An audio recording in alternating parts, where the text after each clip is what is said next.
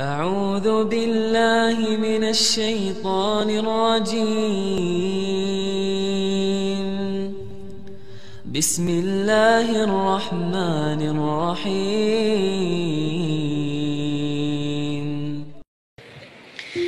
بسم الله الرحمن الرحيم. السلام عليكم ورحمة الله وبركاته.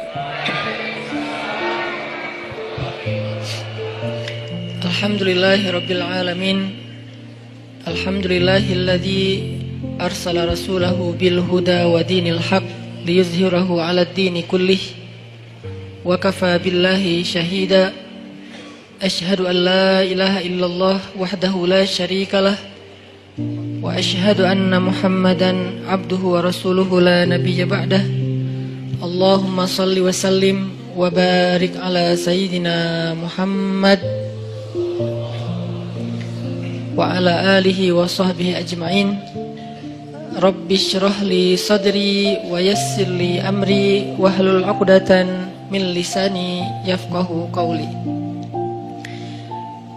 Ahlan wa sahlan min jadid Selamat datang buat teman-teman semuanya Yang pada malam ini kita bisa kembali berkumpul Di suasana cuaca yang cerah Alhamdulillah Sehingga di depan teman-teman bisa nongkrong Sambil menikmati sajian hidangan Allah subhanahu wa ta'ala Dan hidangan Allah subhanahu wa ta'ala adalah ilmu dan hikmah jadi makanan yang kita butuhin itu bukan cuman makanan fisik. Gizi ataupun vitamin, nutrisi yang dibutuhin oleh seorang hamba itu bukan hanya nutrisi fisiknya berupa makanan, minuman, obat, herbal, sayur segala macam, tapi juga semua kita membutuhkan nutri, nutrisi hati. Lebih jelasnya lagi nutrisi iman karena yang menjadi lemah bukan hanya tenaga kita, tapi iman kita juga bisa menjadi lemah. Yang menjadi futur atau ngantuk bukan cuma mata kita, tapi basirah kita juga bisa menjadi ngantuk. Yang menjadi lupa bukan hanya akal kita, tetapi juga zikir kita juga bisa menjadi lupa. Makanya kita butuh nutrisi atau maidatur rahman, hidangan Allah Subhanahu wa taala yang berbentuk hikmah dan ilmu sebagaimana kita butuh juga uh, hidangan nutrisi untuk kebutuhan fisik kita. Walaupun memang kita nggak perlu nutrisi, nggak harus bukan nggak perlu ya, nggak harus memberi nutrisi hati kita dalam bentuk kajian ilmu setiap hari tiga kali misalnya. Nggak harus sih, kalau bisa lebih bagus, tapi nggak harus. Karena nutrisi hati ini bisa kita dapetin bukan cuma dengan duduk dalam majelis ilmu, bukan hanya duduk di dalam tongkrongan hikmah, tapi juga bisa kita dapetin dengan tilawah Al-Quran. Kita juga bisa dapetin itu dengan zikir. Zikir sesuai dengan masalah kita. Karena zikir kalau nggak sesuai dengan masalah tetap berpahala, cuman kurang berasa. Kayak kita lagi nggak uh, apa, lagi lagi lagi lagi haus, tapi minumnya bukan air putih, minumnya misalnya kayak kopi gitu ya. Kalau teh tawar masih mending lah. Haus tapi minumnya kopi atau minumnya minuman minum, minuman yang berwarna. Jadi kayak belum memenuhi dahaga haus kita padahal kita lagi ha lagi haus. Kalau kita lagi kayak agak pusing oke okay, minum kopi. Nggak semua juga sih ya. Itu mas saya. Kalau pusing ngopi misalnya. Kalau haus minum air uh, putih. Kalau misalnya kayak lagi manja minum susu gitu. Kenapa Ustadz? Ya mungkin lagi kayak males aja yang berat-berat gitu kan.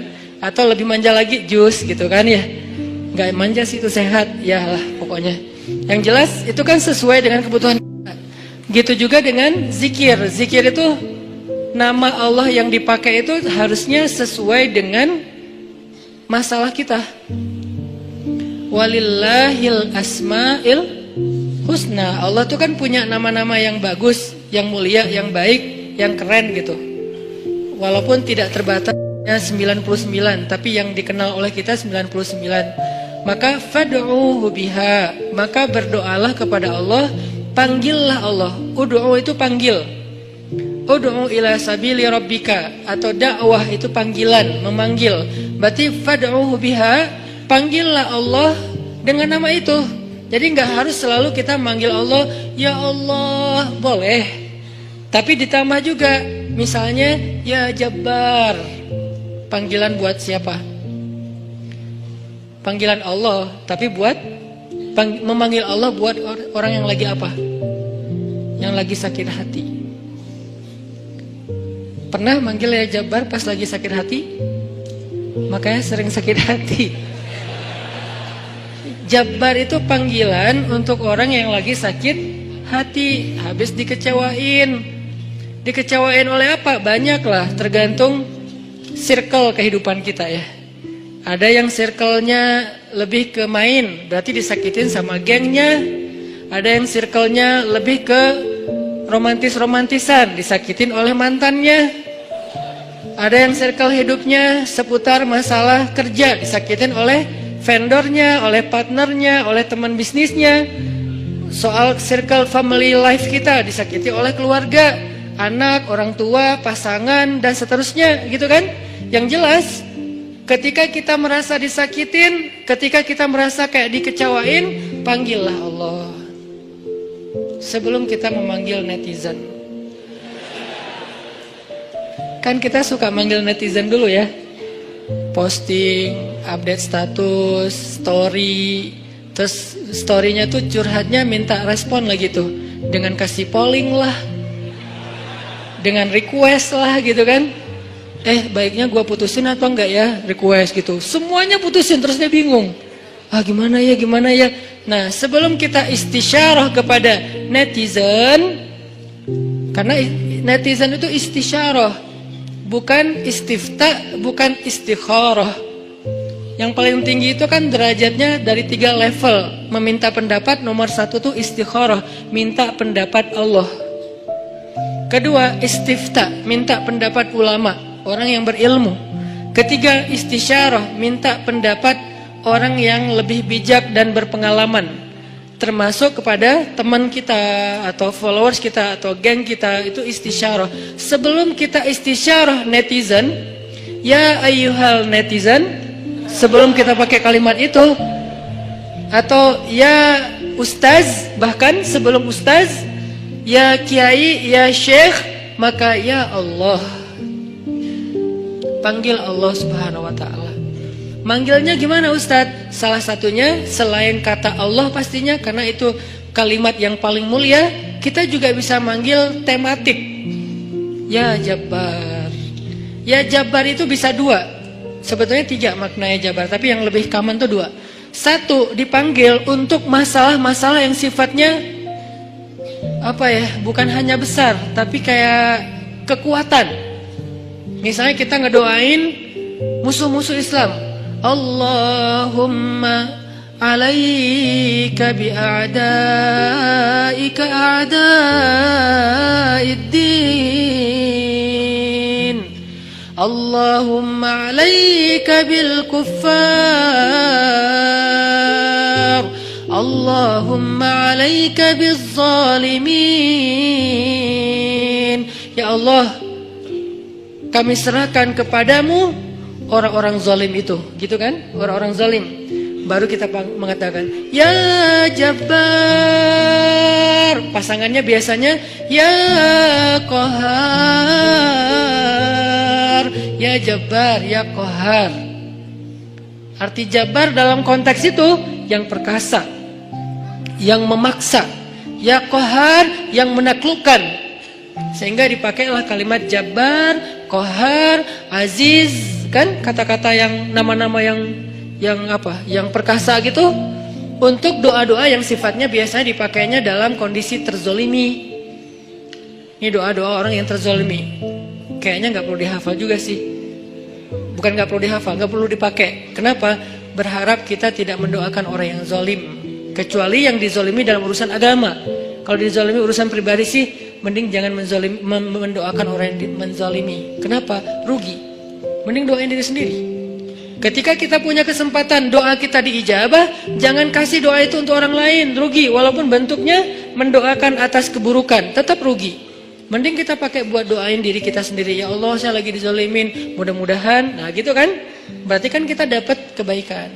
Ya Jabbar, itu panggilan orang yang sedang sakit hati. Jadi satu artinya untuk orang yang lagi dizolimi, satu lagi untuk orang yang lagi hatinya kayak sedih, kayak disakitin, nggak sebesar zolim sih, cuman ya lumayan lah, bikin nggak bisa tidur, bikin tumbuh jerawat gara-gara itu, gitu kan ya, karena stres, terus bikin apa, uh, apa nambah uban, walaupun ada yang uban itu karena bijaksana, cie ditutup.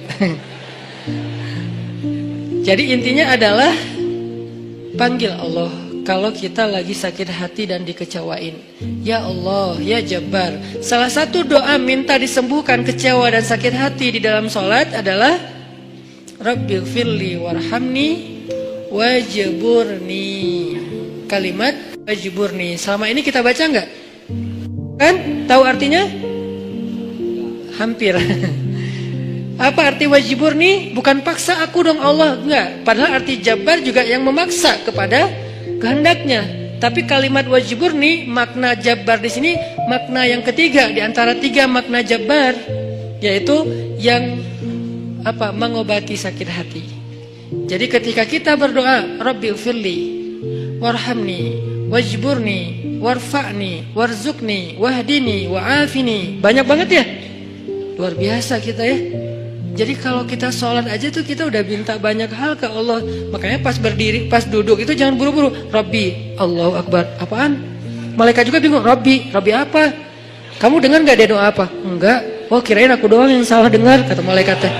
Jadi kita kayak nggak jelas gitu minta ke Allah. Rabbi udah gitu sujud karena terlalu buru-buru nggak ada tumak ninah nggak ada tenang nggak ada berhenti sebentar. Makanya Rabbi firli warhamni wajiburni. Bagian wajiburni kalau bisa di kayak gimana gitu. Kayak agak menghayati dan kayak perasaannya dalam banget gitu. Wajiburni. Tapi nggak gitu juga sih dalam sholat bahaya bid'ah syubhat menyambar-nyambar. Intinya teman-teman wajiburni itu artinya kalau kita terjemahin sembuhkanlah sakit hati saya atau bahasa lain juga bisa diterjemahin hiburlah aku ya Allah. Aku lagi sedih nih. Kalau kita ke teman gitu ya eh hibur aku dong gue lagi sedih nih. Ya udah yuk kita main ya udah yuk kita jalan ya udah kita kita nonton ya udah kita uh, ngopi ya udah kita makan ya udah apalah terserah. Yang jelas kita ngadu ke dia minta dihibur pas kita lagi sedih. Nah cara ngadu ke Allah pas kita lagi sedih supaya dihibur oleh Allah wajibur nih ya jabar itu bisa dibaca di dalam sholat bisa juga dibaca di luar sholat. Gak apa-apa dalam sholat baca, di luar sholat juga baca. Bahkan di luar sholat kita bisa ulang-ulang. Wajibur ya jabar, wajibur ya jabar. Ya Allah, ya, hibur aku ya Allah, hibur aku ya Allah. Aku lagi sedih berat nih. Udah seminggu aku nggak buka Instagram ya Allah. Curhat. Kenapa? Komen. Speed apa head speech ya Allah. Eh, ya Allah, aku udah seminggu nggak lihat grup. Ya Allah, aku udah seminggu nggak buka handphone. Lebih parah lagi kan? Berarti bermasalah di akun sosial media, bermasalah di grup, bermasalah di nomor kontak, bermasalah di SMS, semua bermasalah. Ya Allah, udah seminggu aku nggak buka handphone. Hibur aku, aku lagi sedih banget gitu. Nah, minta ya Jabar, waj, uh, wajibur nih ya Jabar, wajibur nih ya Jabar. Ntar Allah akan hibur kita. Hiburan Allah lebih baik daripada hiburan yang diberikan oleh makhluk. Hiburan makhluk itu kadang-kadang modal. Kalau nggak modal di awal, modal di akhir. Modal di awal, dia ngajak nonton, kita yang bayar. Dia ngajak ngopi, kita yang bayar. Kalau modal di akhir, dia bayar, tapi nanti dia pamrih. Dulu kan pas lo lagi sedih, gue traktirin makan. Sekarang gue lagi sedih nih. Sama aja kan ngemodal ya. Kalau Allah yang ngehibur kita, itu nggak ada pamrihnya nggak ada modal di awal, nggak ada modal di akhir. Terus kenapa kita cepat dan begitu spontan minta hiburan dari makhluk, begitu spontan minta uh, curhat kepada makhluk, begitu spontan manggil nama makhluk, tapi kurang spontan memanggil nama ya Jabar, nama Allah Subhanahu Wa Taala. Ini kalau ngomongin kecewa, salah satu di antara asmaullahil husna, nama-nama Allah yang mulia itu adalah Ya Jabbar. Sehingga kekecewaan itu jadi jalan buat kita untuk lebih akrab sama Allah. Kan kita tuh kayak mungkin saya aja yang ngerasa gini, tapi banyak juga sih yang curhat kayak gitu. Kita tuh sering ngerasa akrab sama Allah tuh pas lagi ada masalah kan ya. Kalau lagi nggak ada masalah kayak kita tuh plain banget gitu hubungan sama Allah. Kayak misalnya hayya ala sholah biasa aja. Oh ya udah azan. Itu paling soleh tuh. Di bawahnya dikit, kok azan sih baru, baru jam berapa? Di bawahnya dikit, kok azan sehari berapa kali sih kok sering banget gua dengar. Padahal cuma lima kali. Dia kayak berasa sering banget gitu dengan azan gitu kan ya. Paling soleh juga, oh udah azan gitu kan. Tapi kalau lagi ada masalah, kita tuh kayak kayak apa? Kayak perasaannya tuh kayak ini banget uh, sensitif banget dan terakrab gitu sama Allah. Hayya sholat. Suara kakek-kakek juga berasa jadi suara vokalis jazz gitu. Si kakek-kakek kan agak-agak serak apa agak ala-ala apa rock gitu kan. Tapi terdengar ini suara azan merdu banget ya. Merdu apaan? Kakek-kakek yang biasanya enggak gue dengernya kali ini dia merdu banget loh. Jangan-jangan dia lagi baper. Enggak, dia biasa aja. Kita yang lagi baper. Jadi apa yang kita dengar itu kayaknya tergantung perasaan kita. Pernah nggak dengar suara azan terus kayak sedih? Soalnya kasihan sama muazinnya gitu. Kok gitu ya azannya kasihan ya? Kayaknya dia kayak nafasnya putus-putus gitu kan. Kalau tadi sih keren-keren sih. Yang tadi ikut challenge azan, hayalah sholat, bagus lah. Tapi yang paling bagus emang azan itu habis diputusin. Itu tuh keren banget, baper tuh. Hayya ala salat. Jadi dia kayak, kenapa sih lo giniin gua? Jadi tuh kayak, kayak, kayak lagi curhat banget gitu kan? Enggak, guyon. Intinya azan dengan hati, tilawah dengan hati.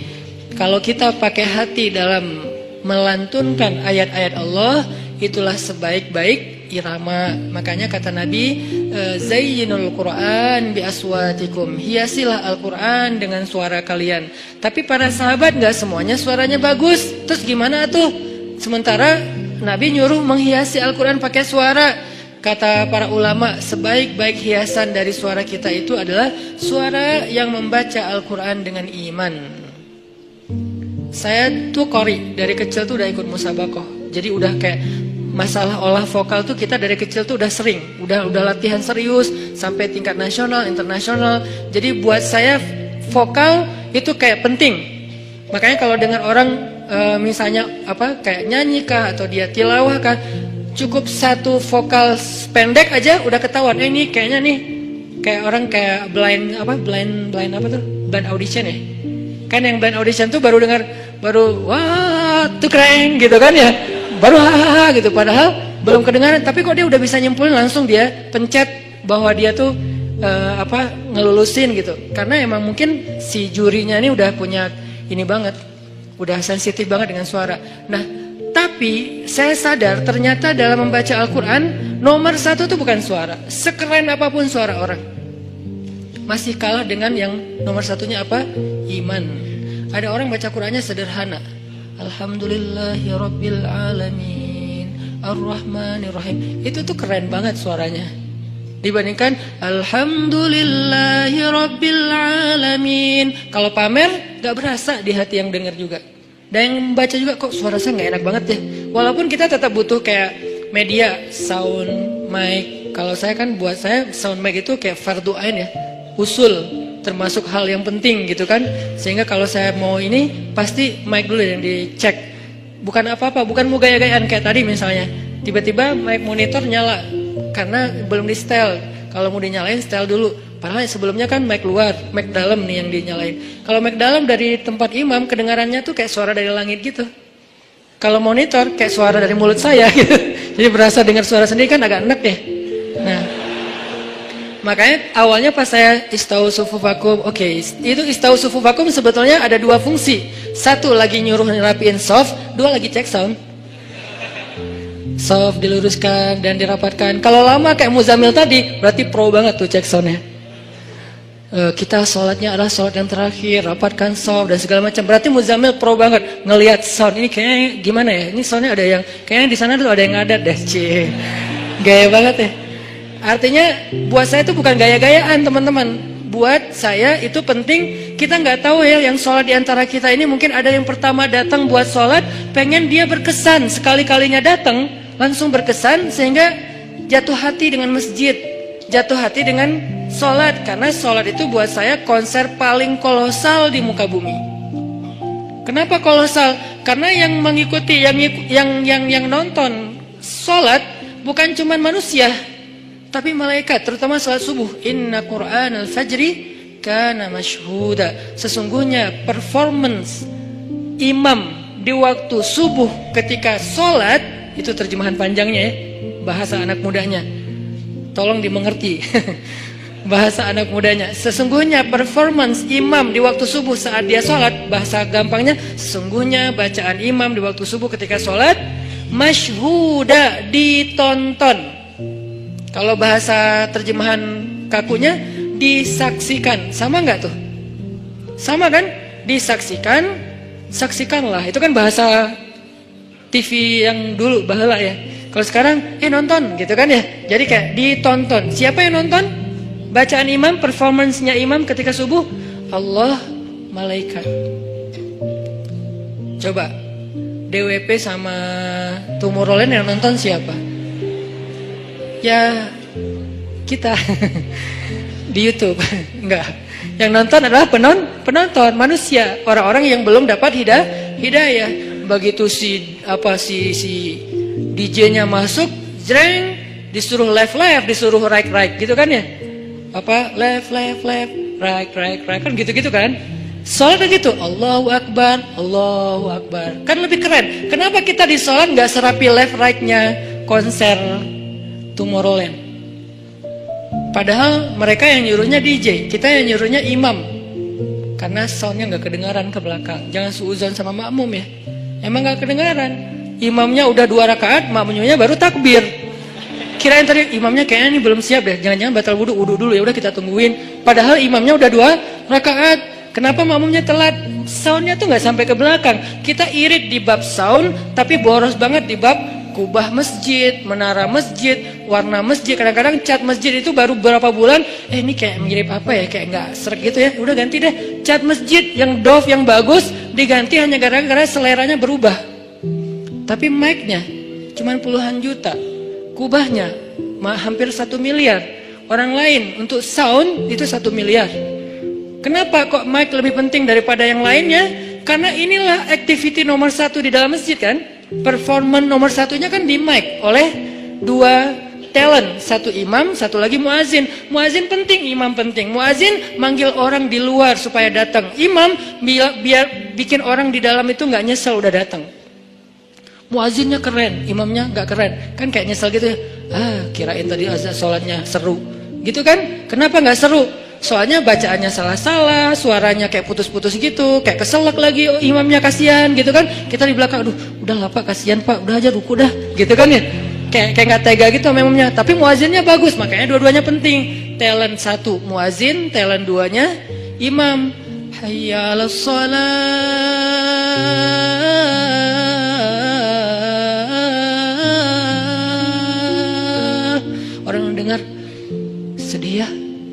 Kenapa? Jadi ingat dosa eh. Nah, gitu kan ya. Ini kan bagus nih azannya nih. Hayya 'alas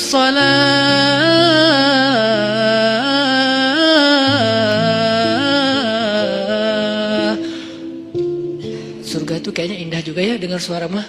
Baru dengar suara panggilan belum? Salamun salam. Ya ayyuhal mu'minun, ya ibadallah, panggilan malaikat. Kan suara malaikat pastinya keren ya nggak ada yang fales dong malaikat masa malaikat fales udahlah gua aja yang yang manggil. Kenapa? Lo suaranya fales kata malaikat. Kan nggak mungkin kan? Panggilan yauma yunadil muda munadi mim makanin qarib. Hari ketika malaikat memanggil manusia dari tempat yang dekat. Tahukah kita apa tempat yang dekat? Tempat yang dekat itu adalah Masjid Al-Aqsa. Hari ketika malaikat berdiri di titik Masjid Al-Aqsa sekarang memanggil seantero padang mahsyar, halumu ilayya. Kumpul kalian semuanya di sini kata malaikat. Jadi azan yang keren itu azan yang mengingatkan orang kepada dosa, azan yang mengingatkan orang kepada akhirat dan itu nggak bisa kalau nggak pakai hati.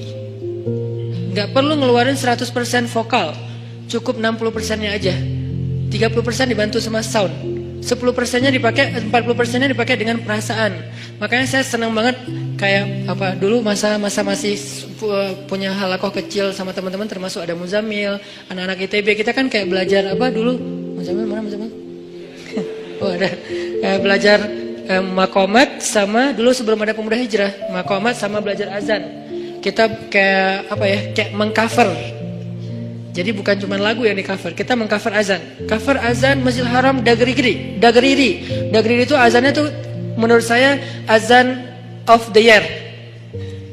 2018 azan terbaik itu nanti cari di YouTube azannya Hamdi Ad-Dagriri kalau nggak salah namanya. Nanti azannya Al-Aqsa. Azan Al-Aqsa itu kayak lagi curhat. Al-Aqsa itu udah dirampas, kami itu teraniaya, ke mana kalian wahai kaum muslimin gitu. Seolah-olah tuh kayak kayak manggil kita gitu dari irama-irama yang dipilih kan. Nah ini semuanya dengan hati, makanya pakai hati aja udah udah terbaik. Balik lagi ke tema yang tadi adalah panggil Allah dengan lembut, nidaan khafiyya. Zikru rahmati rabbika abdahu Zakaria إذ نادى ربه نداء خفيا ketika dia nada rabbah apa arti nada? Rabbah? Nada itu bahasa Arab terus jadi bahasa Indonesia. Nada tapi beda arti. Nada artinya memanggil. Nada nada dering panggilan. Dering panggil panggilan. Itu bahasa Arab. Iznada rabbahu nidaan khafiyya nada yunadi nidaan. Nida panggilan jadi kalau ada yang namanya nida itu adalah panggilan. Makanya kalau dia panggil eh panggilan kamu siapa? Panggilan aku nida gitu. Eh itu panggilan. Iya nida. Iya panggilan. Ya ame gitu. Kalau ngerti bahasa Arab ngerti ya sama aja sih. Nah, yunadi ni apa ya ni apa nada rabbahu nidaan khafiyya, memanggil dengan khafi. Khafi itu kayak lirih. Ya Allah, gitu pelan-pelan. Terus khusyuk manggilnya, berperasaan manggilnya bukan ya Allah. Itu mah kaget kali ya, bukan manggil Allah karena dia lagi curhat. Kalau mau curhat, ya Allah. Coba jadikan ya Allah ini kata favorit kita deh. Dan Jangan tunggu bermasalah baru lembut suaranya. Kalau lagi senang kayak ya Allah. Enggak, enggak gitu sih. Kita lagi senang itu juga butuh Allah, teman-teman yang kayak pekan yang lalu kan. Kita butuh Allah itu bukan pas lagi susah doang. Sarra dan dharra. Iza asabathum sarra wa iza asabahum dharra sama-sama butuh Allah. Butuh Allah ketika susah, jelas kita faham. Butuh Allah ketika senang artinya apa? Supaya kesenangan yang Allah kasih itu jadi barokah mubarak, jadi bertambah manfaat, jadi bertambah kebaikan, nggak jadi sia-sia. Nah, kalau nikmat yang Allah kasih, kesenangan yang Allah kasih malah jadi bikin kita sia-sia, itu malah jadi musibah. Sehingga kita butuh Allah supaya dituntun, ya Allah saya punya rezeki ini diapain ya? Supaya bermanfaat nih. Ke mana saya harus memberikan rezeki ini? Ke keluarga, ke diri saya sendiri untuk kebutuhan, siapa lagi, siapa lagi. Allah tuntun. Supaya kalau Allah tuntun, Ketika kita mengalokasikan harta, rezeki, nikmat yang kita dapatkan, itu semuanya untuk kebaikan. Fa'ammal yatima fala taqhar wa ammas sa'ila fala tanhar wa amma bi ni'mati rabbika fahaddits. Kalau enggak, alhaakumut takasur. Celaka gara-gara takasur. Justru banyak nikmat yang Allah berikan. Jadi teman-teman, poin pertama bab kecewa, kalau kita kecewa, saya yakin semuanya pernah kecewa dan mungkin masih akan kecewa atau bahkan lagi kecewa sekarang. Kelihatan dari muka-mukanya. Kecewa sama saya. Kenapa ceramahnya lama sekali? Jadi kalau lagi kecewa, apa poinnya tadi? Panggillah Allah. Ya Allah, Ya Jabbar, wajiburni, hibur saya ya Allah hibur saya, hibur hati saya ya Allah. Gimana cara Allah menghibur hati kita? Allah menghibur hati kita itu dengan diberikan wajilat kulubuhum. Allah menghibur hati kita dengan dijadikan liyazdadu imanan ma'a imanihim. Allah menghibur hati kita dengan dijadikan apa? Uh, tuma'ninatul qalb. Ala bi dzikrillah tatma'innul qulub. Banyak cara Allah menghibur hati. Apakah Nabi pernah sedih atau kecewa? Kecewa pernah, sedih kecewa, uh, sedih pernah di Al-Qur'an. Direkam. Terus cara Allah menghibur hati Nabi yang lagi sedih atau kecewa gimana? Ya ayyuhal muzammil Qumil layla illa qalila Nisfahu awil qus minhu qalila أو زد عليه ورتل القرآن ترتيلا إن ناشئة الليل هي أشد وطئا وأقوم قيلا Allah panggil Nabi ketika lagi sedih dan tidur Ya ayuhal muzammil Ini dua kondisi Nabi Lagi tidur dan dipanggil Allah Satu Ya ayuhal mudathir Satu lagi Ya ayuhal muzammil Tidur kenapa Nabi? Bukan tidur Tertidur Gara-gara capek seharian berdakwah dan capek seharian dibully. Dibully di mana-mana, pergi ke pasar, dibully di pasar, pergi ke tempat pertemuan, dibully di tempat pertemuan, pergi di, jal, di, di sepanjang jalan, dibully di sepanjang jalan, pergi ke rumah keluarga besarnya, ke, tetam, ke tetangganya, ke pamannya, ke sepupunya, dibully oleh tetangga dan keluarga besarnya. Ke mana pun beliau pergi, beliau dibully, dihead, dihina, dicela seharian dari pagi. Satu kota Mekah ngebully beliau. Ada yang mengatakan beliau itu penyihir, ada yang mengatakan beliau itu pembohong, ada yang mengatakan beliau itu tercela, muzammam. Nama aslinya Muhammad artinya terpuji, tapi diplesetin jadi muzammam artinya tercela. Atau orang salib dulu pas perang salib menamakannya dengan istilah Muhammad. Apa Muhammad? salah satu nama setan.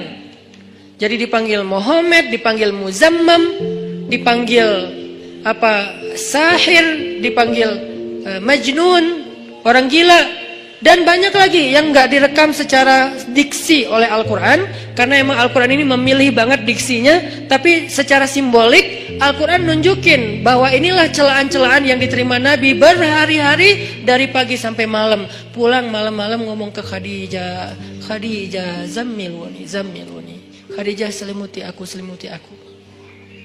Khadijah pengertian diselimuti Rasulullah, diusap-usap kepala Rasulullah, tenang Rasulullah, tenang ya Rasulullah, la tahzan ya Rasulullah. Uh, Allah nggak akan ninggalin kamu. Allah tuh sayang sama kamu. Ya Khadijah, tapi di tubuh Rasulullah tuh banyak lemparan bekas lemparan dibersihin sama Khadijah. Setelah Khadijah wafat nanti yang menggantikannya Fatimah yang bersihin bekas-bekas lemparan orang. Ada yang lemparin kotoran, ada yang lemparin uh, barang apa benda-benda keras sehingga melukai Nabi. Dibersihin sama Khadijah. Udah capek, Nabi tertidur. Udah beres urusan dihibur oleh Khadijah. Begitu Sampai waktu yang hening, Khadijah udah tertidur, penduduk seluruh uh, bumi udah tertidur, Allah memanggil kekasihnya, "Ya ayyuhal muzammil." Wahai orang yang berselimut. Itu panggilannya lembut. Jadi kita kalau baca surah Al-Muzammil jangan ya enggak gitu. Allah manggilnya enggak gitu, kaget atau orang lagi tidur ya. Nah, ayatnya aja lagi berselimut, manggilnya teriak-teriak. Jangan itu namanya prank itu bukan bukan tilawah itu ngeprank. Makanya jangan tilawah sambil ngeprank. Ya ayyuhal muzammil. Wahai orang yang berseli berselimut kumil laila illa qalila. Di situ kelihatan Allah tuh pengertian banget. Kumil lail illa qalila. Bentar aja nggak usah lama-lama. Kenapa? Karena begitu Nabi berdiri, sholat, di situlah Allah akan menghibur hati Nabi. Kalau kita belum bisa terhibur dengan sholat tahajud, atau minimal dengan sholat lima waktu berarti hati kita berpenyakit fi qulubihim marad dan itu harus kita obatin obatnya apa obatnya istighfar Kalau orang banyak dosa, belum bertaubat, belum beristighfar kepada Allah, dia susah minta dihibur oleh Allah. Dan terus nanti dia kayak nuduh Allah nggak menghibur dia, padahal Allah udah sering menghibur dia, cuman nggak berasa di hatinya. Karena hiburan Allah itu hanya bisa dirasakan oleh orang-orang yang hatinya bersih. Dan cara membersihkan hati itu tazkiyatul nufus atau tazkiyatul qulub, tathhirul qulub adalah dengan salah satunya istighfar. Perbanyak istighfar supaya begitu nanti kita ada masalah, kalau kita nanti lagi disakitin, kalau kita lagi kecewa dan sedih, kita bilang wajibur nih ya jabar, wajibur nih ya jabar. Allah hibur kerasa kita lagi dihibur oleh Allah kan enak ya. Kalau apa yang Allah perlakukan kepada kita tuh kita kayak ngerasa itu enak tuh daripada Allah udah habis-habisan ngibur kita kita nggak nggak ngerasa. Ibarat Allah udah ngirim kita japrian nggak dibaca-baca sama kita. Terus nanti kita tuduh lu kok nggak lu kok nggak empati banget sih sama gue gue lagi sedih-sedihnya gue curhat nggak dibalas-balas. Udah udah dibalas. Nggak ada. Lu aja nggak baca oh ya ada banyak ternyata. Artinya nggak dibuka sama kita kan? Kenapa nggak dibuka? Mungkin pulsa kita habis. Mungkin handphone handphone kita error, mungkin apa dan segala macam kemungkinan. Nah, gitu juga dengan Allah. Sa'alaka ibadi anni fa inni qarib.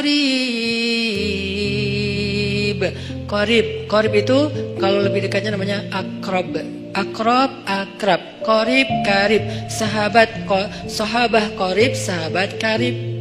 Itu bahasa ah, Arab. Kan saya sering nge-mention bahwa ini dari bahasa Arab, ini bahasa Arab bahwa biar kita tahu identitas bahasa kita itu sebetulnya sebagian besar diambil serapan dari bahasa Arab. Terus siapa yang merangkai bahasa Indonesia dari bahasa Arab kalau bukan ula ulama? Jadi nggak bisa dilepaskan antara ulama dengan Indonesia, antara ulama dengan kebangsaan, antara ulama dengan nasionalisme. Toh bahasa nasional kita dibentuk oleh ulama. Buktinya serapannya 90% itu bahasa Arab. Sebagiannya benar terjemahannya, sebagiannya keliru, tapi tetap aja bahasa Arab. Makanya kenapa saya sering mention itu bukan mau mau apa di Arab Arabin biar gaya, biar kelihatan ustad gitu, enggak.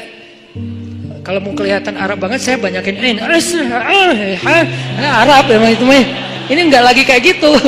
Lagi pengen ngas, apa menarik benang sejarah kalau bahasa kita itu emang sebetulnya bahasa Arab yang diserap. Jadi kalau ada yang agak alergi tentang Arab, saya pikir ini berlebihan.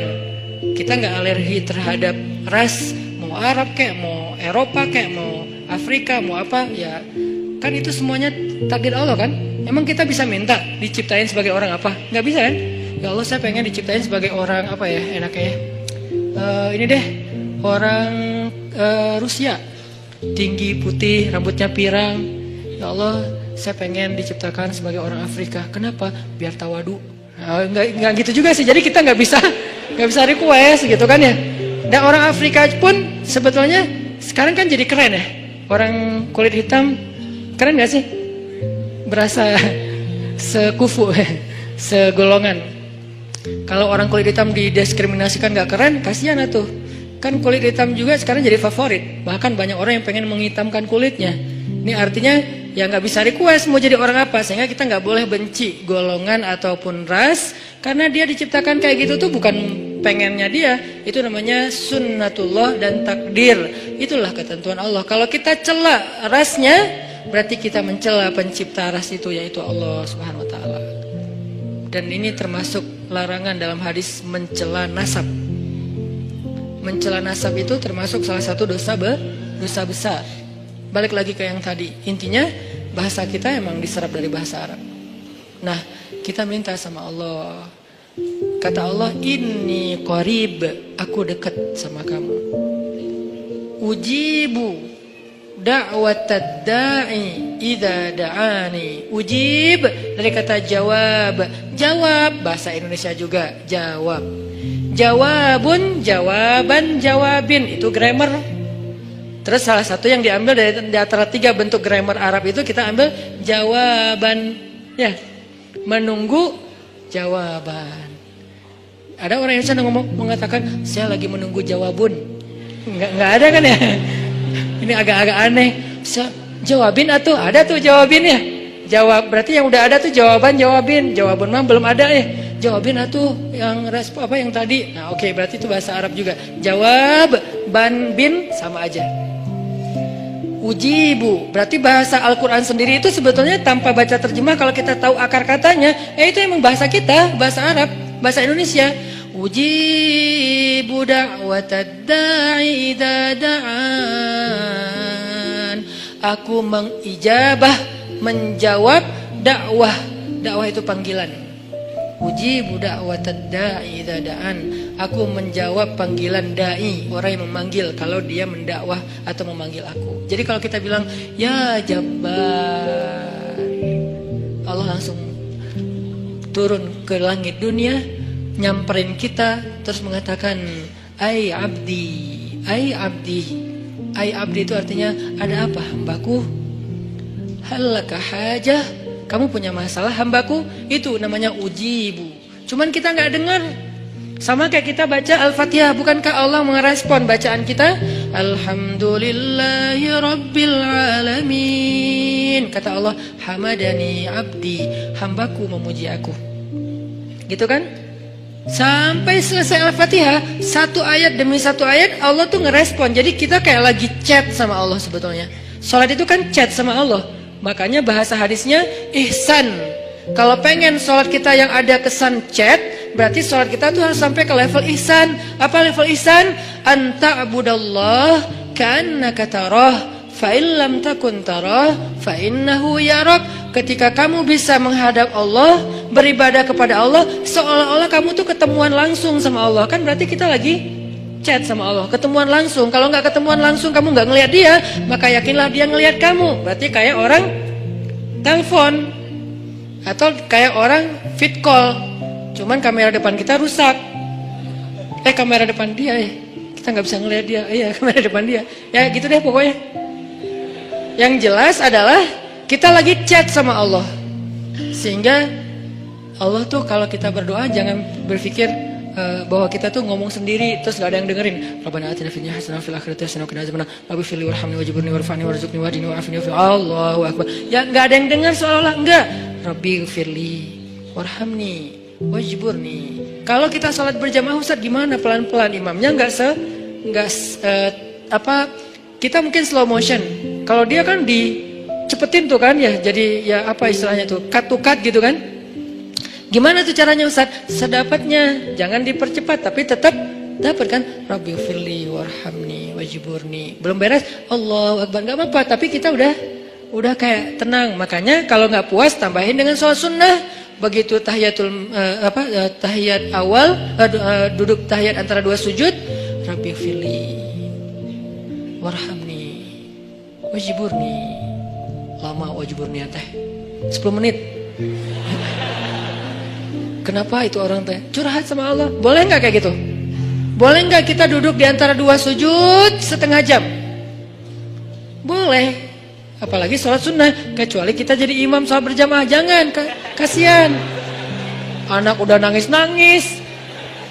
Terus suami udah nunggu di depan nge, apa ngeklakson-klakson. Terus sales sudah habis promonya.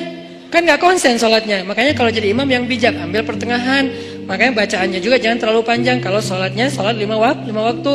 Tapi terutama kecuali subuh yang paling panjang. Kalau sholatnya sholat tarawih, namanya juga tarawih dari kata roha. Roha bahasa Indonesia, rehat. Jadi tarawih itu artinya berehat-rehat. Kalau sholat tarawihnya sampai keringetan, namanya bukan berehat-rehat. Itu mah lagi ngejim. Tarawih keringetan, harusnya kan tarawih itu kan tadi keringetan terus gara-gara tarawih jadi nggak keringetan ya. Itu kayak apa ya? Kayak uh, bukan pemanasan, pendinginan, pendinginan. Eh gitu deh pokoknya. Jadi tarawih itu Allahu Akbar. Wah, mulai istirahat nih. Kalau ada yang ngomong, eh pengen istirahat, kenapa? Habis tarawih. Ini, ini aneh.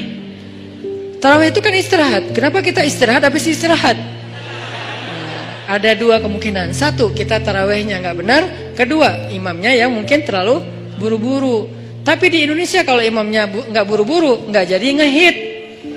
Biar imamnya paling ngehit, tren apa ratingnya tinggi, harus yang cepat. Makanya saya pernah kayak balapan gitu taraweh. Saya di masjid satu, yang satu masjid sebelah. Takbir bareng. Allahu Akbar. Allahu Akbar. Oke, kita start bareng nih. Begitu saya waladhalin di sana assalamualaikum. Hah? Wah. Kalah eh. Saya pakai 150 cc, dia pakai 1200 cc. Ya iyalah, nggak akan kekejar. Nah, tapi yang sana lebih banyak jamaahnya, di sini dikit. Kenapa? Di sini karena yang mungkin itu pengen istirahat dengan sholat. Kalau di sana pengen cepetan istirahat dari sholat. Beda kan ya? Nah, balik lagi. Kita bacanya tenang. Boleh wajiburni, warfa'ni, warzukni, wahdini, wa'afini, wa'fu anni. Allahu akbar. Sujud lebih lama lagi. Karena sujud itu lebih freestyle. Freestyle doanya, bukan freestyle bentuknya. Masa sujud mau gini terus ya enggak sih. Freestyle doanya. Maksudnya freestyle doa tuh Bo boleh baca doa apa aja selama itu kebaikan.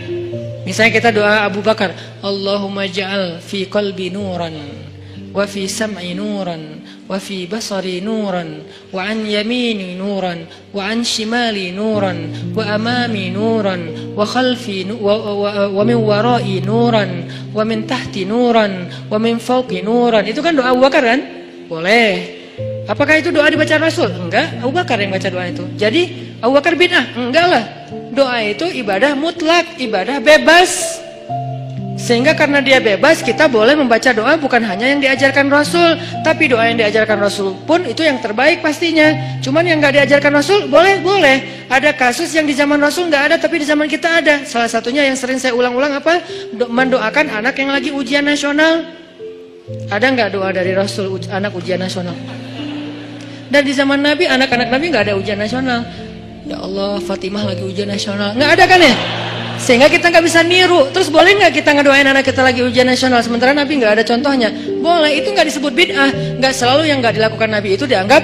Makanya jangan nanya apa dalilnya doa itu. Ya, yang penting nggak melanggar sunnah Nabi. Nah, sunnah Nabi dalam doa itu adalah menutup aurat, bacaannya yang benar, jangan maksa, jangan marah-marah sama Allah. Ya Allah, pokoknya nih yang terakhir kali nih saya doa nih. Yang nggak bisa gitu. Doanya yang baik gitu kan? Kalau mendoakan yang buruk balik lagi kepada kita sendiri. Nah ini namanya doa. Makanya pas sujud kita bisa doanya Abu Bakar.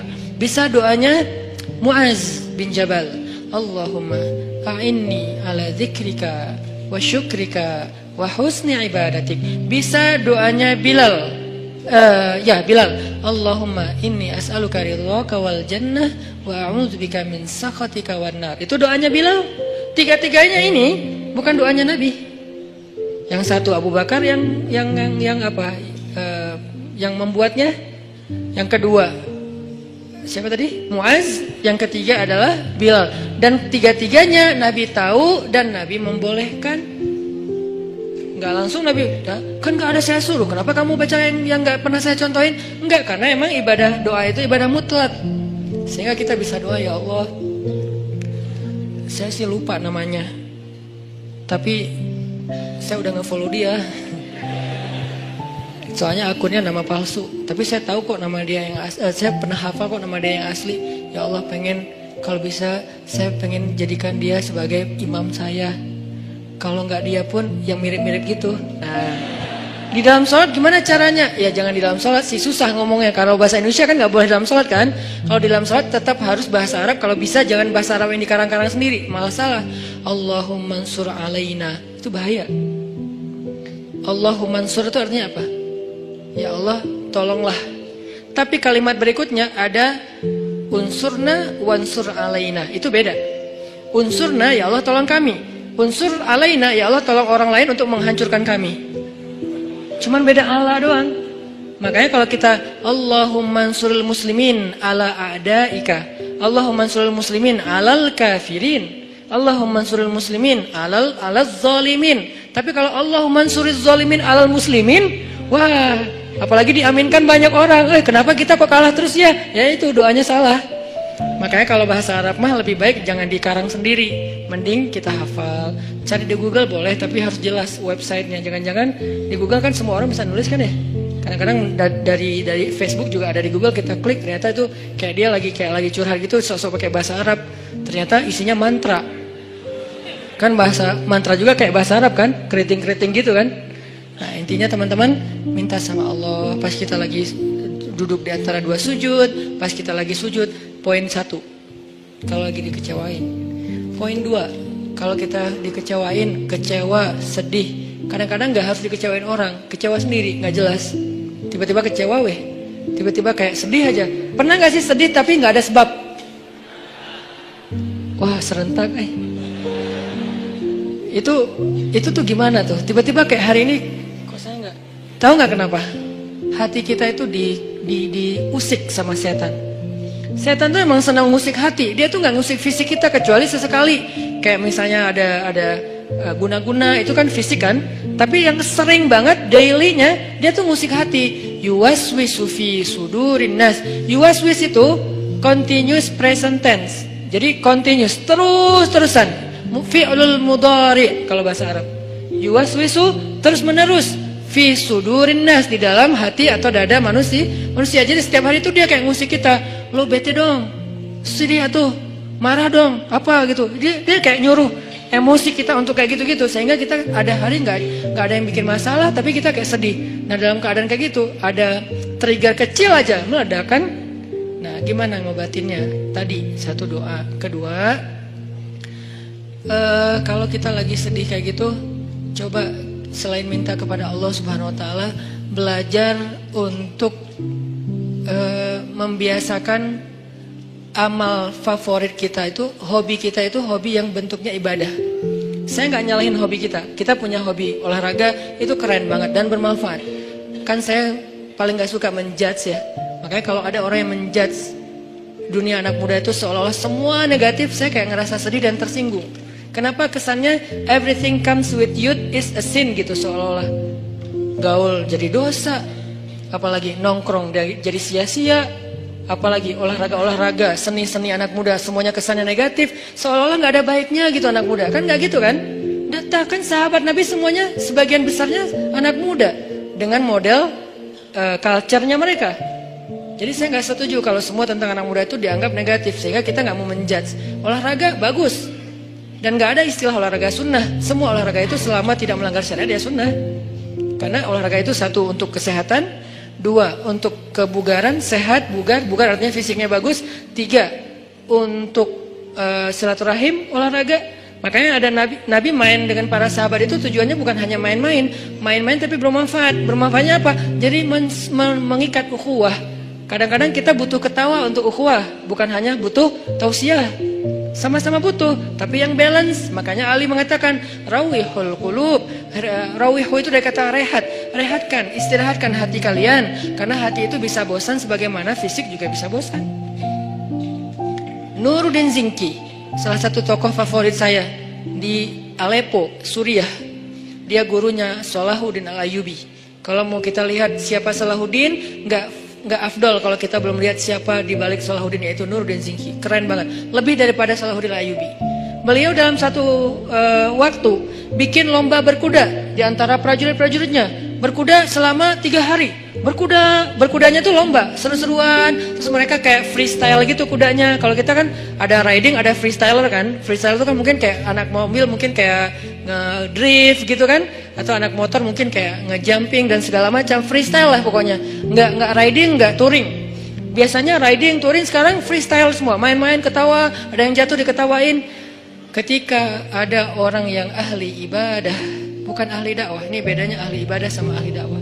Ada orang ahli ibadah mendengar berita ini kalau Nuruddin lagi bikin acara freestyle kuda ahli ibadah ini kemudian mengirim surat kepada Nuruddin Zinki Isi suratnya apa? Nurdin, ittaqullah. Kan orang kalau ngomong idealis tuh kesannya dia paling benar ya. Pakai ayat, pakai hadis, kesannya dia benar dan kita salah. Jadi kita jadi tiba-tiba kok saya jadi salah ya? Gitu. Ittaqullah, langsung menjudge.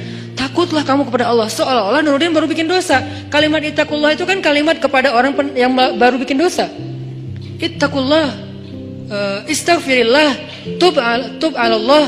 Jadi kayak kamu tuh dosa banget, takut sama Allah, gitu kesannya. Nuruddin, Nuruddin, ittaqullah, takutlah kamu kepada Allah. Yang kamu lakukan ini semuanya sia-sia. Waktu kita itu nanti akan dimintai pertanggungjawaban setiap detiknya, panjang. Keluarin ayat, keluarin hadis. Faman ya'mal mithqala dzarratin khairan yarah wa man ya'mal mithqala dzarratin syarran yarah wal asri innal insana lafi khusr. Semua ayat keluar, semua hadis keluar. Kesannya Nuruddin itu main-main dan sia-sia. Sia-sia. Ini bedanya orang yang hanya tinggal di dalam masjid dengan orang yang turun ke dalam uh, uh, objek-objek dakwah dan jihad. Mereka akan lihat realitas yang berbeda banget di dalam masjid. Di dalam masjid mah semua orang baik, soleh. Nggak diuji kita di dalam masjid. Sedikit kalaupun ada. Tapi begitu di luar akhirnya Nuruddin Zingki membalas. Balasannya apa? Akhi fillah saudaraku karena Allah Sebetulnya saya tidak ingin menyampaikan ini, tapi karena engkau sudah menuduh saya dengan tuduhan-tuduhan yang tidak benar, saya perlu tabayun, kata Nuruddin. Kami itu sudah berjihad berbulan-bulan, melintasi gunung-gunung apa gunung-gunung yang tinggi, melintasi padang pasir, musim panas, musim dingin, menghadapi musuh-musuh yang berkali-kali lipat lebih banyak dari kami. Kami dan kuda-kuda kami sudah melihat darah tuh terus-terusan setiap hari ngelihat darah, setiap hari ngelihat potongan tubuh manusia. Lelah, tidak tidur berhari-hari, kehausan, tidak minum kecuali beberapa tetes air saja dalam sehari. Kami itu sudah berjihad berbulan-bulan kata Nuruddin. Sehingga saya melihat pasukan saya mulai stres. Kuda-kuda kami mulai stres. Kuda kalau stres susah dipakai. Jadi nggak akan sesuai dengan instruksi dari penunggangnya, kesatrianya. Dia stres. Ngelihat musuh dari kejauhan kadang-kadang bukan ngelihat musuh. Ngelihat pohon aja dikira musuh. Wah banyak banget musuhnya, lari. Kuda stres kan bahaya kan?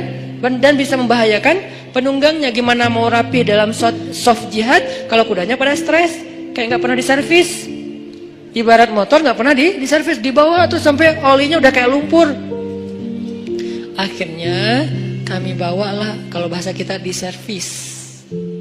Di servis itu apa? Dengan cara kalau di servis motor kita bawa ke bengkel servis nih ganti oli, uh, apa segala macam dibersihin kayak gitu-gitu kan. Kalau servis kuda dibawa main. Karena kuda itu servisnya dengan main, bukan makan minum dan segala macam. Akhirnya kudanya bisa ikut main sama penunggangnya, lucu-lucuan, guling-guling. Kudanya menjatuhkan penunggangnya, terus diketawain dengan lain. Dan prajuritnya juga diservis dengan cara apa? Entertain, mereka butuh hiburan.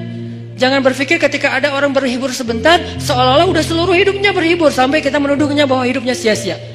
Ini terlalu gampang menjudge orang lain. Bisa jadi itu bagian dari program dakwah. Itu jawaban Nuruddin. Jadi saya ingin supaya prajurit saya segar lagi, ukhuwah mereka kuat lagi, lebih soft, barisan mereka lebih bagus lagi, dan kuda-kuda mereka lebih sehat dan bugar lagi. Dibalas kepada ahli ibadah. Baru kemudian ahli ibadah. Ya tapi kan gak harus gitu juga. Oh panjang akhirnya gak beres. Ya namanya juga orang kalau udah dengki. Sama dengan Fudal bin Iyad dengan Ibnu Mubarak. Fudail bin Iyad ahli ibadah di dua masjidil haram. Masjid Nabawi dia ahli ibadah dan mengajar di Masjid Nabawi. Di Masjidil Haram juga dia ahli ibadah dan mengajar di Masjidil Haram. Tapi nggak pernah keluar dari masjid. Sehingga yang dia tahu realitas dunia ini hanya realitas masjid. Tentang sholat harus rapi. Tentang kalau sholat kita sunnah sendiri harus pakai sutro. Itu kan realitas-realitas dinamika masjid kan. Tentang waktu azan itu jangan apa diburu-buru antara azan dan iqomah itu dikasih jeda waktu kemudian masalah menutup aurat dalam pakaian sholat kemudian masalah kenceleng itulah realitas masjid sangat apa mungkin belum belum banyak ketika keluar dari masjid realitasnya tuh beragam nggak sesederhana masjid rumit kalau di dalam masjid itu sederhana realitasnya sehingga nggak butuh pemikiran rumit untuk menyelesaikannya. Di luar masjid itu rumit banget. Baru aja di teras masjid udah rumit. Masalah sendal ketuker. Kalau ketukernya dengan yang lebih bagus sih bukan bukan masalah, nggak akan ngomong diam-diam aja. Ini masalah ketukernya dengan yang ya gimana gitu. Akhirnya ini nih yang jadi realitas. Apalagi keluar dari uh, pintu masjid, udah keluar pintu masjid, tangga masjid, keluar tangga masjid, parkiran masjid. Di parkiran udah realitas. Baru datang udah lihat mobil atau motor udah kebaret. Wah nih tadi karena motornya desak-desakan spion kita lah atau bodi motor kita yang baru lah udah coret-coret atau mungkin motor kita posisinya kok nggak enak gitu di tengah kena hujan padahal tadi perasaan parkirnya di atasnya ada atas sekarang kena hujan jadi basah padahal habis dicuci segala macam itu udah realitas sehingga ketika Ibnu Mubarak melihat Fudal bin Iyad asik aja mengajar di dalam masjid Ibnu Mubarak mengirim surat kepada Fudal bin Iyad yang kemudian jadi nasyid, jadi lagu. Ya abidal haramain Wahai hamba yang beribadah di dua masjid haram Ya abidal haramain Lau absartana La'alimta annaka bil ibadati tal'abu. Wahai orang yang beribadah di dua masjid haram Siang dan malam, tahajud, itikaf, tilawah, ngajar ilmu. Kalau kamu melihat apa yang kami lakukan di luar sini Maka kamu akan menganggap ibadahmu itu cuma main-main. Padahal udah di masjid haram dan di masjid nabawi Tapi masih dianggap main-main Kalau dibandingkan dengan apa? Dibandingkan dengan dakwah dan jihad Karena dakwah itu nggak sederhana ibadah Ibadah kita semua yang datang orang-orang udah pada soleh yang pengen ibadah gampang diatur. Soft luruskan, lurus nggak? Lurus. Coba suruh luruskan soft di belakang zebra cross. Segampang meluruskan soft di masjid? Enggak, itulah realitas, itu perbandingannya. Kalau kita belum bisa menyuruh masyarakat, sosial behaviornya lurus di belakang zebra cross, berarti kita belum menyelesaikan masalah masyarakat. Berarti belum berdakwah, baru beribadah di dalam masjid. Itu bandingannya segampang mana? Mana lebih gampang nyuruh orang lurus di belakang zebra cross apa nyuruh orang untuk ikut imam? Ikut imam. Jangan kalian mendahului atau menyamai gerakan imam. Oke, okay. Allahu akbar, Allahu akbar. Pas bangkit dari sujud, Allah Bacaan imam itu panjang dan makmumnya belum yang benar ya, belum bergerak dari su sujud masih nungguin sampai bar baru dia bar beres bahasa Jawa. Jadi begitu imamnya hu akbar baru makmumnya Allahu akbar. Gampang nyuruh makmum kayak gitu. Coba jangan menyamai lampu kuning apalagi mendahului. Susah kan? Di traffic light kuning, merah, hijau. Jangan mendahului lampu kuning. Kalau merah mungkin agak gampang. Kuning aja. Di sana udah merah kan ketahuan tuh ada kayak pantulan cahaya kan ya. Kalau di sana merah kan di sini nggak langsung hijau kan? Di sini mah ada jeda beberapa detik lah. Di sana udah mulai kuning, wah jalan kan ya. Di mana pelajaran soft dan gerakan sholat yang kita katakan jangan menyamai dan mendahului imam. Makanya realitas di dalam masjid dengan di luar tuh beda. Sehingga kalau kita nggak pernah keluar dari masjid, kita terkesan idealis, tapi sebetulnya nggak tahu masalah. Begitu juga dunia anak muda. Buat saya, saya selalu respect sama anak muda karena saya ngerasa bahwa anak muda itu aset luar biasa dan di tangan teman-teman nih anak-anak muda nasib Indonesia 10 tahun yang akan datang. Jadi kalau anak muda ini hanya dijadikan objek terus menerus sebagai bahasa judgement, terus gimana nasib Indonesia? Padahal anak muda itulah yang mau ukir banyak sejarah. Jarang sejarah diukir oleh orang tua kan? Rata-rata sejarah itu diukir oleh anak muda. Dalam Islam, muncul nama komandan militer paling muda dalam sejarah Islam namanya Usamah bin bin Laden. Usamah bin Zaid. Itu beda lagi kasusnya. Saya nggak mau mengkomentar. Yang jelas namanya Usamah. Jadi jangan takut dengan nama Usamah. Nama Usamah itu nama sahabat. Bahkan dia adalah cucu angkatnya Rasulullah Rasulullah. Dari anak angkat Rasulullah walaupun gak jadi anak angkatnya itu Zaid bin Harithah. Namanya Usamah bin Zaid. Itu komandan militer termuda dalam sejarah Islam usianya kalau nggak salah 14 tahun. Kelas berapa? Kelas 2 SMP memimpin pasukan militer. Bukan naik motor. C yang mau dibahas. Karena nggak di endorse. Jadi bukan naik motor terus pakai baju SMA terus kayak gitu-gitu. Bukan. Saya nggak merujuk kepada sesuatu ya. Gitulah pokoknya. Ini memimpinnya naik naik motor sama naik kuda lebih susah mana? Kuda. Kecuali buat orang-orang ya kayak di Lombok, di daerah-daerah yang banyak kuda kan tuh keren banget sih saya kayak local pride banget lah itu mah. Jadi naik kuda memimpin pasukan dan itu bukan riding, walaupun riding juga keren. Tapi ini menghadapi musuh usia 14 tahun loh. Kalau nggak matang mentalnya, nggak mungkin Nabi memberikan kesempatan dia jadi panglima militer. Yang ngasih itu surat kuasanya tuh langsung dari Nabi. Bahkan ketika Abu Bakar jadi khalifah, lalu Umar nggak setuju, Usama jadi uh, panglima militer, Abu Bakar marah kepada Umar. Ya Umar, kamu ingin menyobek surat Rasulullah? Kamu ingin mencoret kalimat-kalimat Rasulullah, ini langsung Rasulullah yang nunjuk. Usama pemimpin militer. Bahkan kalau seandainya pasukan itu kita harus ada di dalamnya, engkau wahai Umar harus tunduk kepada Usama. Nanti ada lagi yang membebaskan satu negeri yang selama beribu-ribu tahun gak bisa dibebaskan, usia 21 tahun. Muhammad atau kita juluki Al-Fatih, bukan sang penakluk, sang pembebas. Karena terjemahan yang lebih tepatnya bukan penak, penakluk tapi pembe, pembebas. Dia nggak menaklukkan siapa-siapa, apalagi cewek. Kalau kita di zaman sekarang mungkin ada penakluk cewek gitu kan, ini nggak membebaskan. Cewek dibebaskan dari apa? Dari perbudakan, dari penghinaan. Muhammad Al-Fatih. Jadi anak muda itu harus diberikan apresiasi yang tinggi dan memang kita harus bangga. Indonesia ini harus bangga punya anak muda mayoritas sekarang. Tahun depan malah 70% penduduk Indonesia anak muda. Berarti kita bangga banget nih negara dengan penduduk terbanyak anak muda di dunia dan muslim. Ngomong apa tadi teh? Baper eh kalau udah ngomongin masalah dakwah, masalah anak muda. Saya tuh ngambil segmentasi dakwah anak muda itu bukan bukan pengen seru-seruan loh. Teman-teman tahu saya dulu pakai jubah. Pakai sorban. Gini nih. Cuman dakwah itu bagus, tapi segmentasinya berbeda. Ada banyak segmen di luar sana yang nggak bisa diginiin. Bisanya diginiin. Bisanya diginiin dengan santai kita temenan, kita mah eh, main bareng. Dan itu bukan karena saya pengen kayaknya Ustadz baru puber sekarang deh. Bukan. Ustadz kayaknya kurang nakal deh waktu muda, jadi pengen nakal sekarang. Ya enggak lah. Dikit.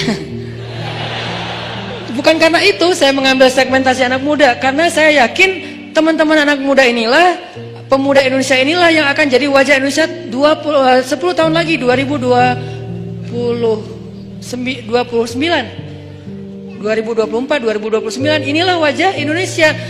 Sehingga kalau kita pengen merubah Indonesia kita harus mulai dari anak muda. Dan anak muda yang terbanyak itu bukan di dalam masjid kenyataannya kecuali sekarang mungkin sebelum kita bikin tren hijrah anak muda yang terbanyak itu bukan di dalam masjid di luar masjid Gimana cara bawa mereka ke dalam masjid kalau hanya kita berkoar-koar di atas mimbar? Saya tuh kalau khutbah Jumat dulu tuh demi Allah gitu. Tapi anak muda tetap aja sepi. Malah yang bikin kaget yang kakek-kakek kan kasihan, kaget. Ah, ah, apa sih kakek-kakek? Kalau anak muda digituin kan kayak seru adrenalin gitu kan. Ini kakek-kakek digituin kasihan atunya. Sesungguhnya kematian. Ya Ustadz ya. Kematian lihatnya ke kakek-kakek. Nah ini udahlah masa-masa itu saya udah beres 8 tahun saya dakwah di Bandung dengan cara itu Sekarang saya pengen segmentasinya jelas anak muda Karena saya berharap lebih ke anak muda Saya pengen selalu saya share Mimpi kita bersama adalah Suatu saat muazzin kita itu adalah wakil pejabat Mau wakil presiden, wakil gubernur, wakil wali kota Dan dia udah belajar azan di masjid-masjid ketika dia masih muda Azannya azan baper dari hati Kebayang aja wakil presiden manggil kita sholat di Masjid Istiqlal. Live streaming. Hayya ala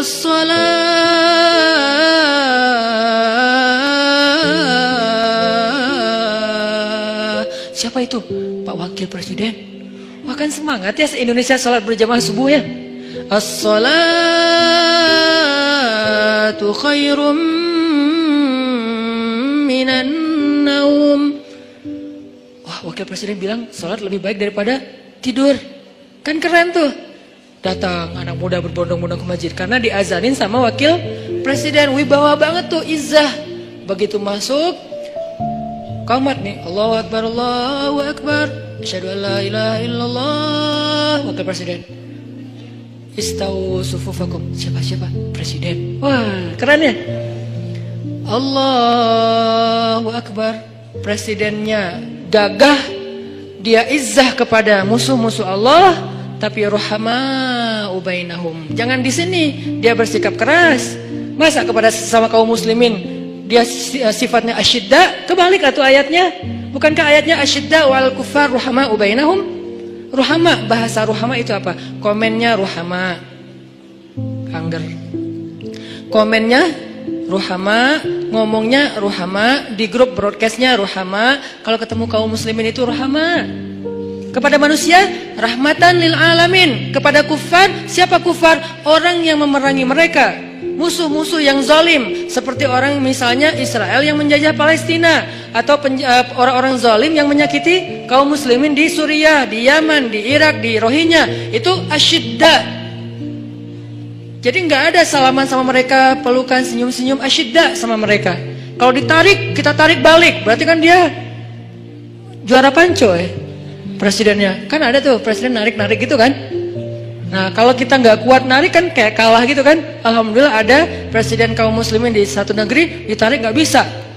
Aduh berat eh. Ya udah deh nggak jadi gitu. Ini artinya asyidda. Dia tuh syadid izzah. Tapi begitu sholat di antara kaum muslimin, Allahu Akbar. Di situ nggak perlu nunjukin keras. Alhamdulillahi Rabbil Alamin Enak banget loh Sholat dipimpin presiden Bacaannya khusyuk Hafalannya banyak Sehingga dia bisa explore Al-Quran.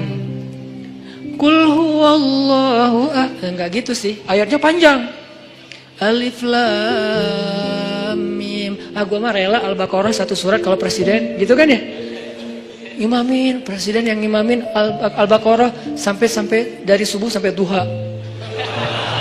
Ya nggak gitu juga kali Ustad kan al-baqarah dua jam setengah tuh sampai waktu duha intinya itu mimpi saya sih bermimpi Indonesia tuh kayaknya bisa nih kayak sekarang aja bermunculan imam-imam muda dengan Muzamil and the Gangs Uh, sejak kita ramein hijrah ini kan jadi banyak nih muncul imam dengan rambut gimbal apalagi muncul imam anak muda, anak SMA, itu bisa banget. Dan mereka nanti pasti saya yakin akan jadi pemimpin-pemimpin masa depan. Kayak sekarang saya dekat sama teman-teman pemuda Pancasila. Sapma pemuda Pancasila juga. Kalau lagi dekat sama mereka ngobrolnya apa? Eh lo nyalak nggak tahun ini? Ya insya Allah lo uh, kayaknya masih mau main dulu deh. Uh, lima tahun lagi gua nyalak. Berarti kan anak-anak muda sekarang lintas organisasi. Mau dia PP, mau dia Karang Taruna, mau dia komunitas. Sebetulnya kan calon pemimpin masa depan kan? Kalau mereka di lahir dari rahim tarbiyah, kebayang aja pemimpin Indonesia 5 tahun lagi atau 10 tahun lagi. Lahirnya dari rahim tarbiyah. Gimana cara mentarbiah Indonesia? Gak bisa bikin satu pesantren dengan ukuran sekian hektar. Harus bikin pesan underscore trend. Dan tren inilah yang jadi konten tarbiyah, mentarbiah semua anak muda di Indonesia supaya semuanya secara fikroh lahirnya dari rahim tarbiyah.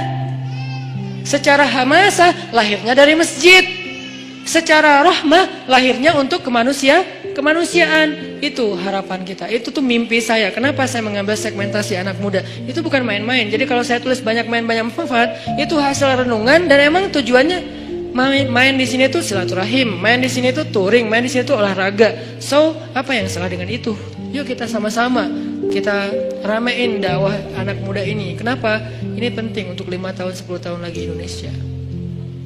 Kalau enggak Gak kebayang karena anak muda ini efek perbaikannya hebat, efek perusakannya juga yang gak kalah hebat. Kalau orang tua ada di tengah-tengah aman, aman. Jadi rusak ya gitu, baiknya juga ya gitu. Kalau anak muda baiknya keren banget, kalau dia jadi rusak juga innalillah banget. Makanya balik lagi kepada tema tadi kecewa, walaupun agak-agak nyambung sih, nggak apa-apa lah ya. Nanti diedit baru masukin YouTube. Kecewa. Poin yang kedua itu adalah cari satu hobi. Tadi mau ngomongin itu sebetulnya. Cari satu hobi yang bukan hanya uh, entertain, walaupun boleh. Saya juga hobi entertain ada. Hobi kan harus nggak nggak harus satu kan. Entertain ada hobinya. Uh, olahraga ada. Uh, hangout jalan ada. Tapi selain ini, ini bagus semuanya. Tapi tambahin satu lagi hobi ibadah. Ibadah tuh harus jadi ho hobi. Biar apa? Biar kita tuh bisa enjoy. Ambil aja salah satu deh, nggak usah banyak-banyak. Saya nggak nggak minta teman-teman tahajud 11 rakaat satu juz, nggak. Tilawah satu hari satu juz, nggak. Ambil yang paling ringan dulu deh, tapi jadiin hobi. Misalnya sholat duha atau sholat sholat mutlak. Sholat mutlak kan lebih bebas lagi nih, kapan aja. Jadi pokoknya agak-agak uh, nganggur dikit, ah sholat ah, Akbar. Itu kalau sholat tanpa ada jadwal, bukan karena waktunya sholat, kita tuh kadang-kadang kesannya lebih free ride loh. Free ride-nya apa? Kayak nggak ada beban, kan free ride tuh nggak terbeban dengan GoPro, nggak terbeban dengan 360, nggak terbeban dengan kamera, nggak terbeban dengan tele, kan gitu kan? Karena dia kayak main, gua mah pengen main aja, jadi nggak pakai bawa-bawa tim pencitraan. Dia mau ke gunung, nggak bawa tim kamera, dia di laut nggak bawa tim kamera, dia loncat dari tebing nggak muncul-muncul juga nggak ada yang ngamerain, biasa aja, namanya free riders. Bisa nggak kita ibadah tuh selain emang udah ada waktunya, mukayyad, ada yang free ride, free ride tuh mutlak, bebas, sholat aja, nggak ada yang nyuruh, nggak ada yang maksa, sholat. Itu kalau jadi hobi teman-teman, sebanyak mungkin sholat sunnah mutlak, itu akan jadi obat ketika kita kecewa. Tapi itu nggak bisa pas kecewa baru dilakuin harus dibiasain dulu dari sekarang. Begitu nanti kecewa, itu jadi akan kayak kita kecewa ngopi, sedih nongkrong, sedih nonton, sedih ketemu teman, sedih main. Sekarang sedih sholat. Baru nanti berlaku ayat Ya ayyuhalladzina amanu sta'inu bis sabri was sholah Mintalah pertolongan Allah dengan sholat salah satunya Itu nggak bisa kalau nggak dimulai dilatih Dijadikan habit dan hobi Siap insya Allah Ya mudah-mudahan anak muda yang ada di masjid ini Yang ada di kota ini Ini kota inspirasi banget di seluruh Indonesia Yang ada di negeri ini Ini negeri yang mudah-mudahan kita berbaik sangka.